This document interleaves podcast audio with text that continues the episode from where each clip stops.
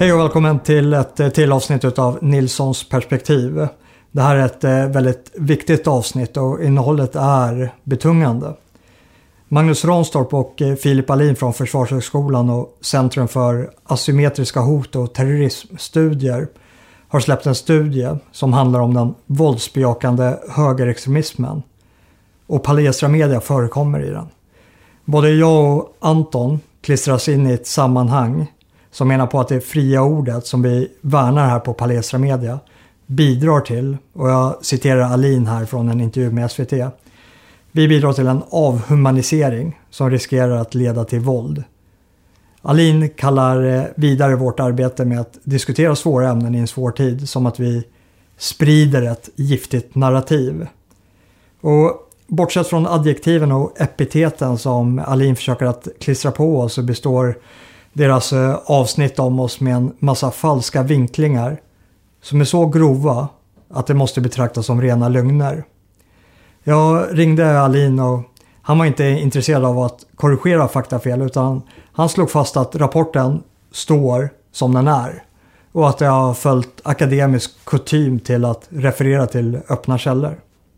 Vi gör bara använder sånt som, som, som har refererats till i media tidigare så att säga. Ja men följer ni inte upp de här sekundärkällorna och liksom söker, eh, gör en faktakoll utav det? Ja, vi använder de källorna som vi tycker det, där, det var det, det, det, var det som, som, som var med i rapporten. Det, det var, det var fullgott för oss att säga. Och sen, sen skriver ni att jag har stridit för Främlingslegionen också.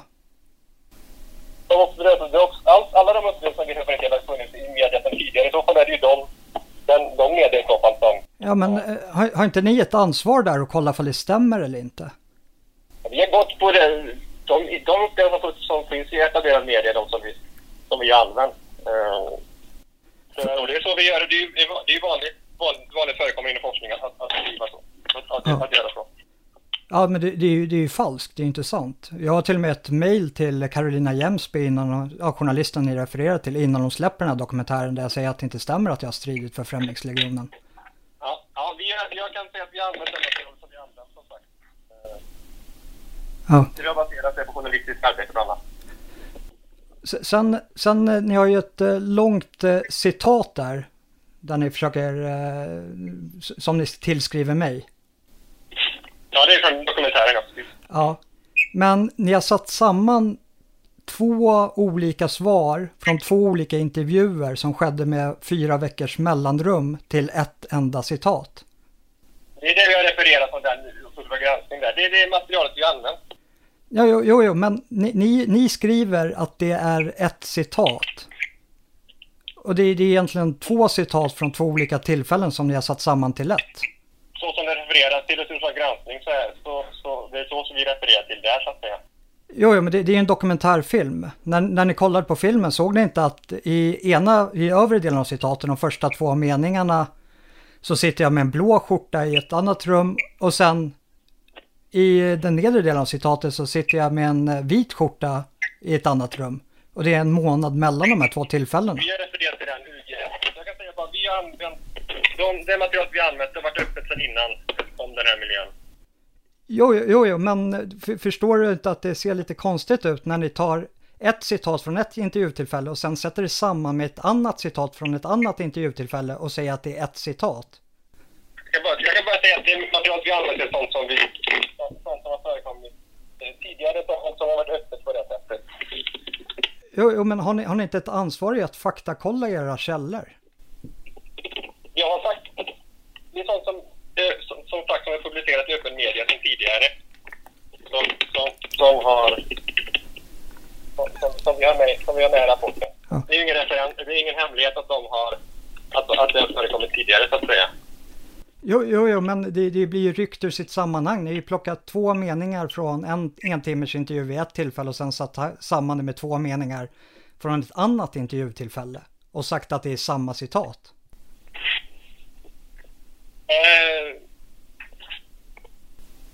Nu hörde jag inte vad du Nu försvann du en gång till.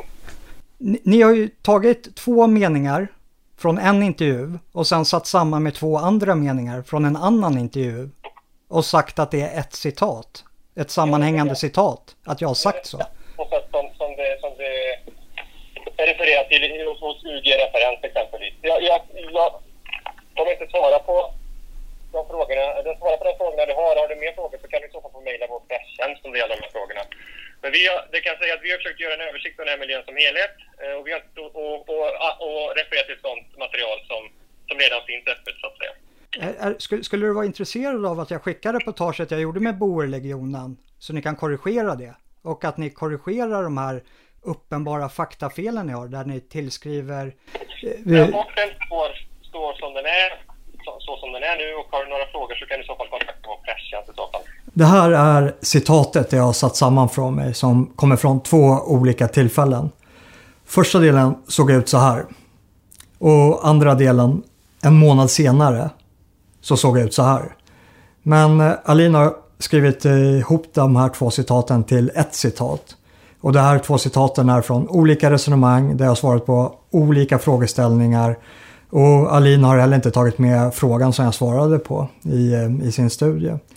I den första delen av det här citatet så betonar jag att jag inte gillar att bli kallad för intellektuell. Och det är helt enkelt för att jag inte vill kategorisera samman med eh, akademiker som eh, Alin och Ranstorp.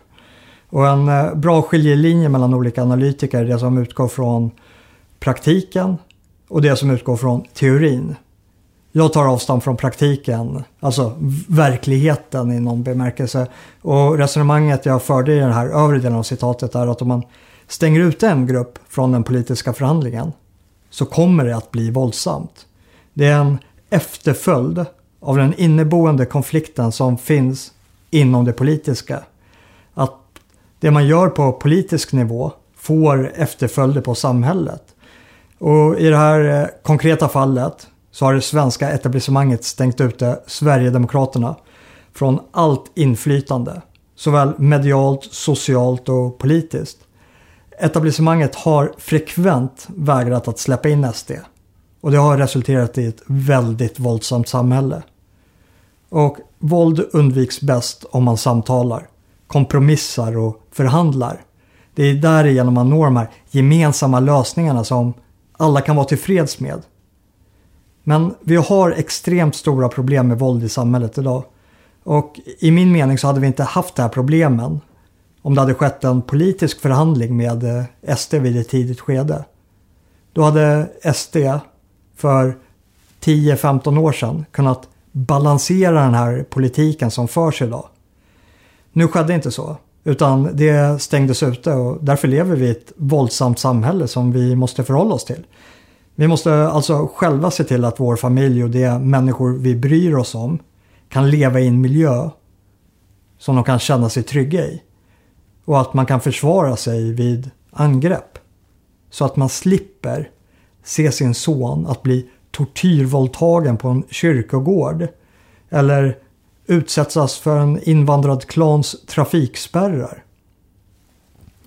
Men Alin delar inte det här perspektivet att ett samhälle riskerar att bli våldsamt bara för att man stänger ute stora grupper från den politiska förhandlingen.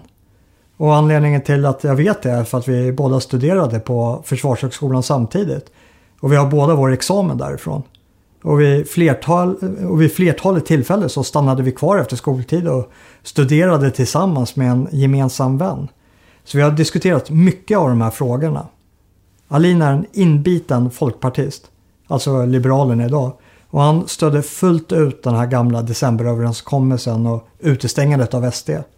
Han såg det till och med som lovvärt av sjuklöven att inte ge vad han kallade järnrörsrasisterna politiskt inflytande. Och det här andra citatet som han har satt ihop med det första anspelar på vad jag är beredd att göra för att mina nära och kära ska vara trygga. Om du får frågan över hur långt är du beredd att gå för att skapa en trygg miljö för din familj och svaret inte är att du är beredd att göra vad som helst för att det ska vara trygga. Då är det någonting fel på dig. Och jag skulle nog säga att en eh, sån människa till och med är farlig. Men det är ingenting emot en människa som håller den här samhällsutvecklingen bakom ryggen och pekar ut oss kritiker som vill göra någonting åt den här situationen och hävdar att vi är några våldsbejakande extremister. Jag eh, arbetar som journalist och jag har en familj att försörja. Och för att jag pekar på brister i det här samhället så ska regimens analytiker försöka att göra mig till persona non grata och därmed försvåra för min familjeförsörjning. Det vill få människor att vilja distansera sig för att inte associeras med någon som enligt Alin och Ranstorp avhumaniserar grupper och sprider ett budskap som kan leda till våld. Vi på Palestra Media är en donationsbaserad kanal. Vi finansieras av våra tittare, alltså er. Det betyder enligt Alin att ni finansierar våldsbejakande extremism. Vi existerar av en enda anledning och det är för att våra tittare, ni, inte får en samhällsbild förmedlad av regimmedian som ni kan känna igen er i. Regimen säger att Sverige är tryggt. Men ni vågar inte längre gå ut. Det finns en kraftig dissonans till vad media säger och vad ni själva upplever. Och på grund av den dissonansen mellan den faktiska verkligheten och den här regimtrogna tillrättalagda beskrivningen av verkligheten så existerar vi på Palestra Media. Och för att få oberoende analyser som inte är finansierade av regimen, likt den här studien med Alin och Ranstorp, så donerar ni till våra produktioner. Och jag ber till er, snälla fortsätt med det. Låt er inte skrämmas av sådana här människor som Alin. För det här är bestörtande och ett otroligt fult angrepp mot det fria ordet och samtalet. Vi har redan ett jättestort problem med åsiktskorridoren i Sverige och eh, med allmän censur på nätet. Och Alin problematiserar i sin studie att vi vill bredda åsiktskorridoren genom att prata om ämnen som är obekväma för regimen såsom mångkulturens negativa konsekvenser. En sån här rapport kan användas som underlag för att få bort oss från till exempel Youtube som redan nu arbetar hårt med sin policy över vilka aktörer som får använda deras plattform eller inte. Och vi har redan sett eh, dissidenter försvinna från den här plattformen. Och Youtubes policy baseras på innehållet på kanalen. Och vi förhåller oss till deras policy, annars kan man helt enkelt inte vara här. Men det Alin och Ranstorp gör här är att göra innehållet sekundärt. Då det nu har skapat ett underlag till sin beställare, vilket är regimen och i slutändan vår regering. Som i sin tur kan ta det som Alin och Ranstorp har ramat in som den första akademiska undersökningen av vad det menar på är våldsbejakande högerextremism. Och akademisk text ska i det här sammanhanget utläsas som vetenskapligt och därmed lika sann som naturlagarna själva. Och vår regering kan då ta den här sanningsrapporten som påvisar vilka aktörer som främjar den här våldsbejakande extremismen till de stora techföretagen som Google och YouTube och ber dem eh, städa upp sina plattformar från det riktiga hatet som enligt den här rapporten kommer att leda till våld i vårt samhälle. Varpå alla som omnämns i den här studien ryker i ett bräde. Oavsett vad det har sagt eller inte sagt på plattformarna. Det blir därmed inte längre innehållet som är illegitimt utan det blir aktörerna som är illegitima. Och Alin och Ranstorp är inte intresserade av vad som är sant eller inte. Och det faktagranskade aldrig sina källor. Och det har heller ingen avsikt att heller korrigera sina faktafel. Det satte ihop citat av mig från olika tillfällen till ett citat och placerar det i en kontext för att försöka att få mig att framstå som våldsam. För det passar deras narrativ att skapa ett samhällshot av regimkritiker. Det skriver att jag är dömd. Och det stämmer, jag har en dom mot mig.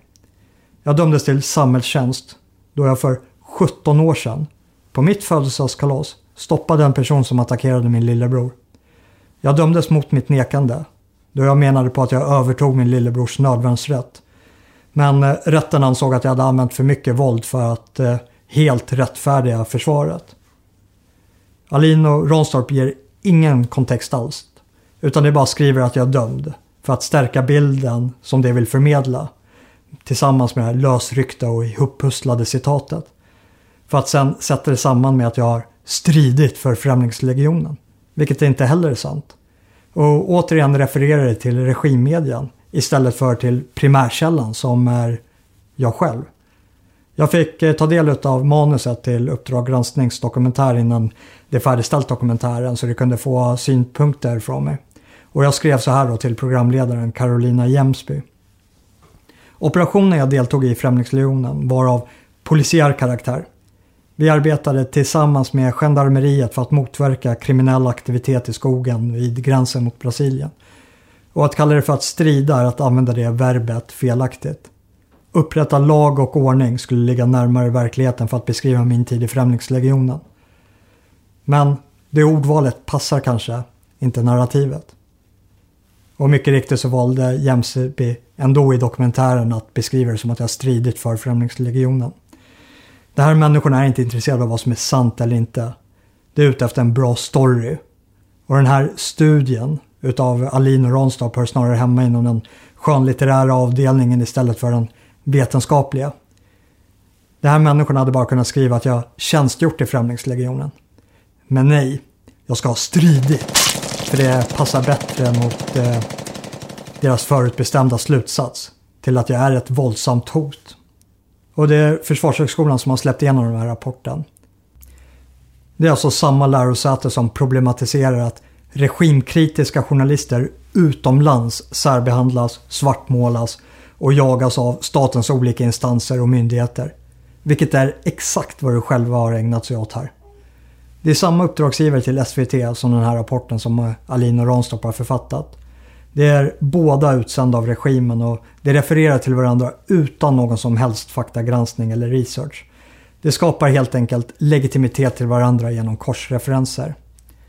Sen kan en annan myndighet, till exempel Säpo, hänvisa till den här rapporten vilka i sin tur ger regeringen ett starkt beslutsunderlag för att tysta sina kritiker.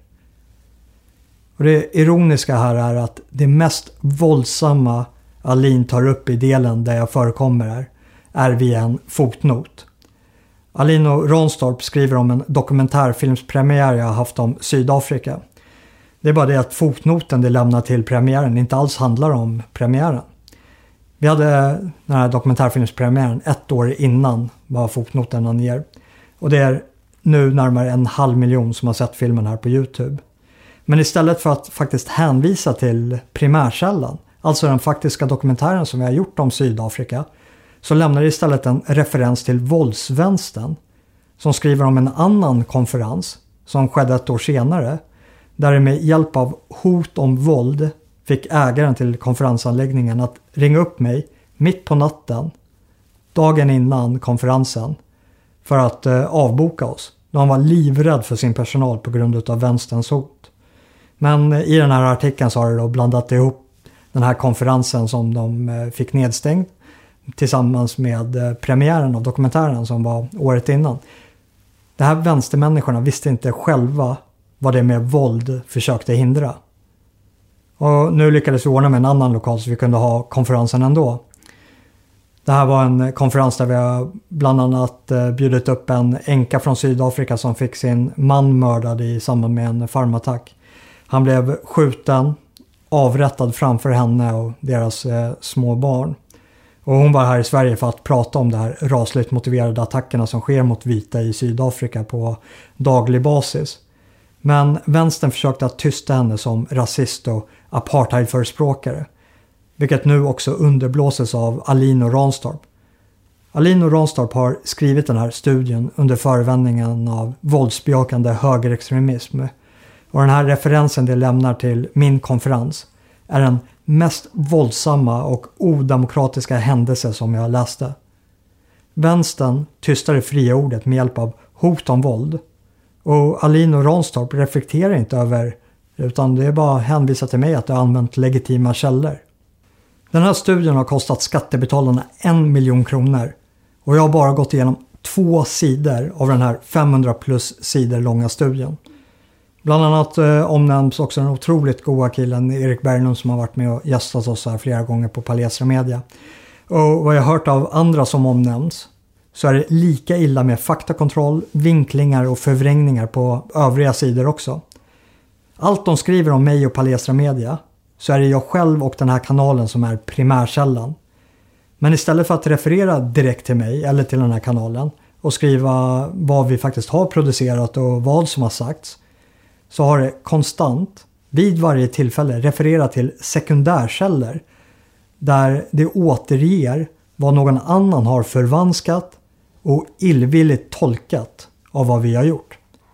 Och det är A och O i en vetenskaplig text att gå till primärkällorna för att just undvika förvanskningar och feltolkningar. Men det var aldrig syftet med den här studien. Utan Alin och Ranstorp vill hålla åsiktskorridoren stängd. Och det säger det helt öppet i rapporten genom att problematisera att aktörer vill vidga vad man får prata om i vårt samhälle. Och jag har svårt att tänka mig en värre utveckling för vårt samhälle om vi inte får prata om de faktiska problemen som vi upplever. Att människor är rädda att gå ut. Är rädda för sina barn när de är ute. Det här är ämnen som vi måste kunna diskutera utan att åsiktspolisen, Filip Alin, går in och försöker att kväsa samtalet med hänvisning till att vi riskerar våld om vi pratar om de här samhällsproblemen. Studion fastslår att det är stor risk att det kommer att ske våld mot invandrare och muslimer. Och jag håller med dem. Risken är stor. Men där slutar våra likheter. För när ett sånt våldsdåd händer så kommer det att tillskriva skulden på oss. Politiker, media och hela etablissemanget kommer att peka på den här studien som Alina och Ranstorp har gjort och säga att våldet beror på oss som har radikaliserat samtalet. Vidare påstår Alin och Ranstorp att jag har vapentränat med Boerlegionen i Sydafrika. Vilket också är en grov förvrängning av sanningen. Jag arbetar som journalist här på Palestra Media. Och jag har gjort otaliga reportage om situationen i Sydafrika och ett av de reportagen är om Boerlegionen. Om hur de tränar, hur de försöker att skydda sig mot den eskalerade brottsligheten i Sydafrika inom lagens gränser. Och reportaget jag gjorde med dem var på skjutbanan. Och ni kan se inslaget här på kanalen. Och jag kommer lägga en länk till det reportaget här i beskrivningen här under. Jag är en regimkritisk journalist och det vi ser här är hur regimen svarar genom att försöka göra mig och mitt arbete illegitimt och menar på att det jag säger och rapporterar om kan leda till våld.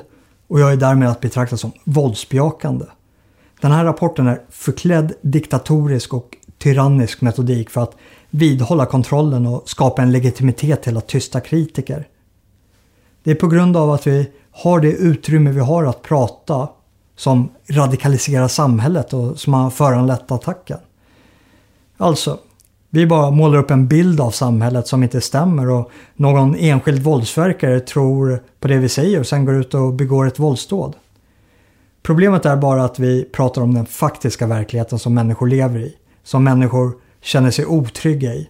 De känner sig inte otrygga på grund av våra analyser här på Palestra Media utan de känner sig otrygga för vårt samhälle har blivit väldigt farligt.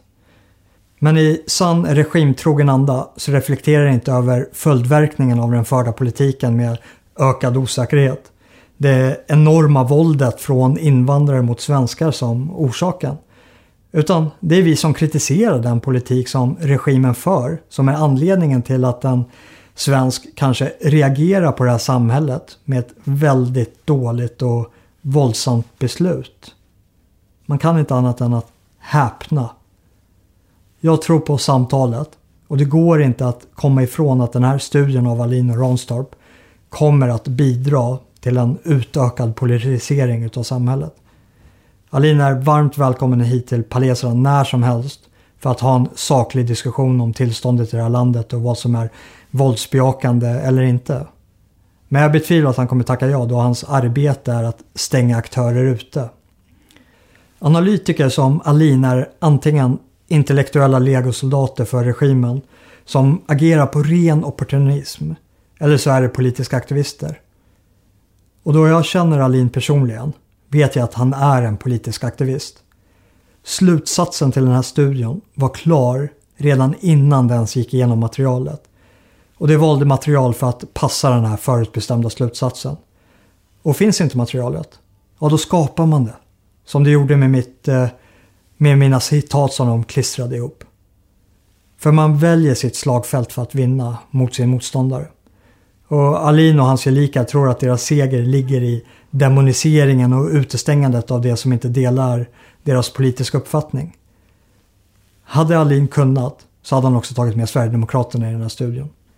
Men SD har växt sig för stora och populära för att ge sig på på det här sättet. Men hade den här studien skrivits för tio år sedan, innan deras riksdagsinträde, ja då hade Alin också tagit med dem. På samma sätt som han nu tog med Alternativ för Sverige och Gustav Kasselstrand. Och att Alin använde adjektiv som giftiga narrativ när han pratar om det samhällskritiker som han har granskat i sin forskning visar på att han inte drivs av sin forskning mot en slutsats. Utan hans forskning drivs av hans egna agenda. Alin drar linjen utifrån skademinimering. Vart det är möjligt att dra den.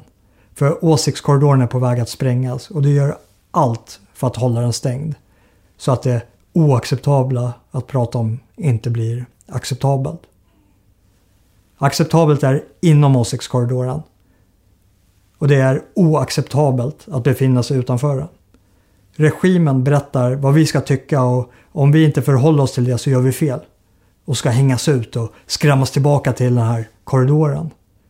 Men det är ingenting för oss. Och det är ingenting för er heller. Tack för att ni har lyssnat. Och vi syns till nästa avsnitt.